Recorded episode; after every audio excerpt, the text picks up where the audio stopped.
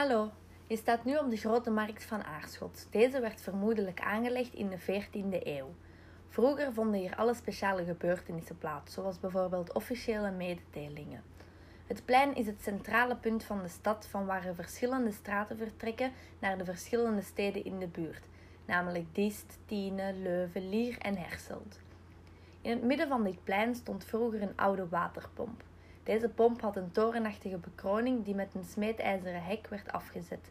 Hier kwamen de burgers water halen. In 1959 werd het monument beschermd en in 2011 verplaatst met de heraanleg van de Oude Markt. Op de hoek van het plein en de Martelarenstraat zie je de Fortisbank.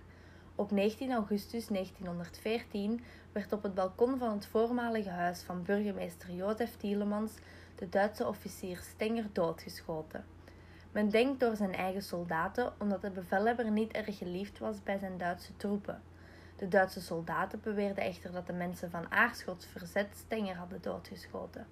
Het gevolg was een bloedige repressie waarbij 170 burgers omkwamen. Bij het begin van de Eerste Wereldoorlog staken de Duitsers het stadhuis op de Grote Markt in brand. Na de oorlog werden de bouwvallige muren gesloopt en zo kwam de Sint-Rochustoren vrij te staan, de toren diende tot 1794 als gevangenis, folter en gijzelaarskamer. Later werd het gebouw gebruikt als politiebureau en dienst voor toerisme. In 1938 werd de oudste toren van de stad geclasseerd. Wat nu? Op de plaats waar het stadhuis stond werd een gedenkmoment voor de slachtoffers van de oorlog opgericht. Elke donderdag voormiddag van 8 tot half 1 vindt hier de wekelijkse markt plaats en heerst er op dit plein een gezellige drukte.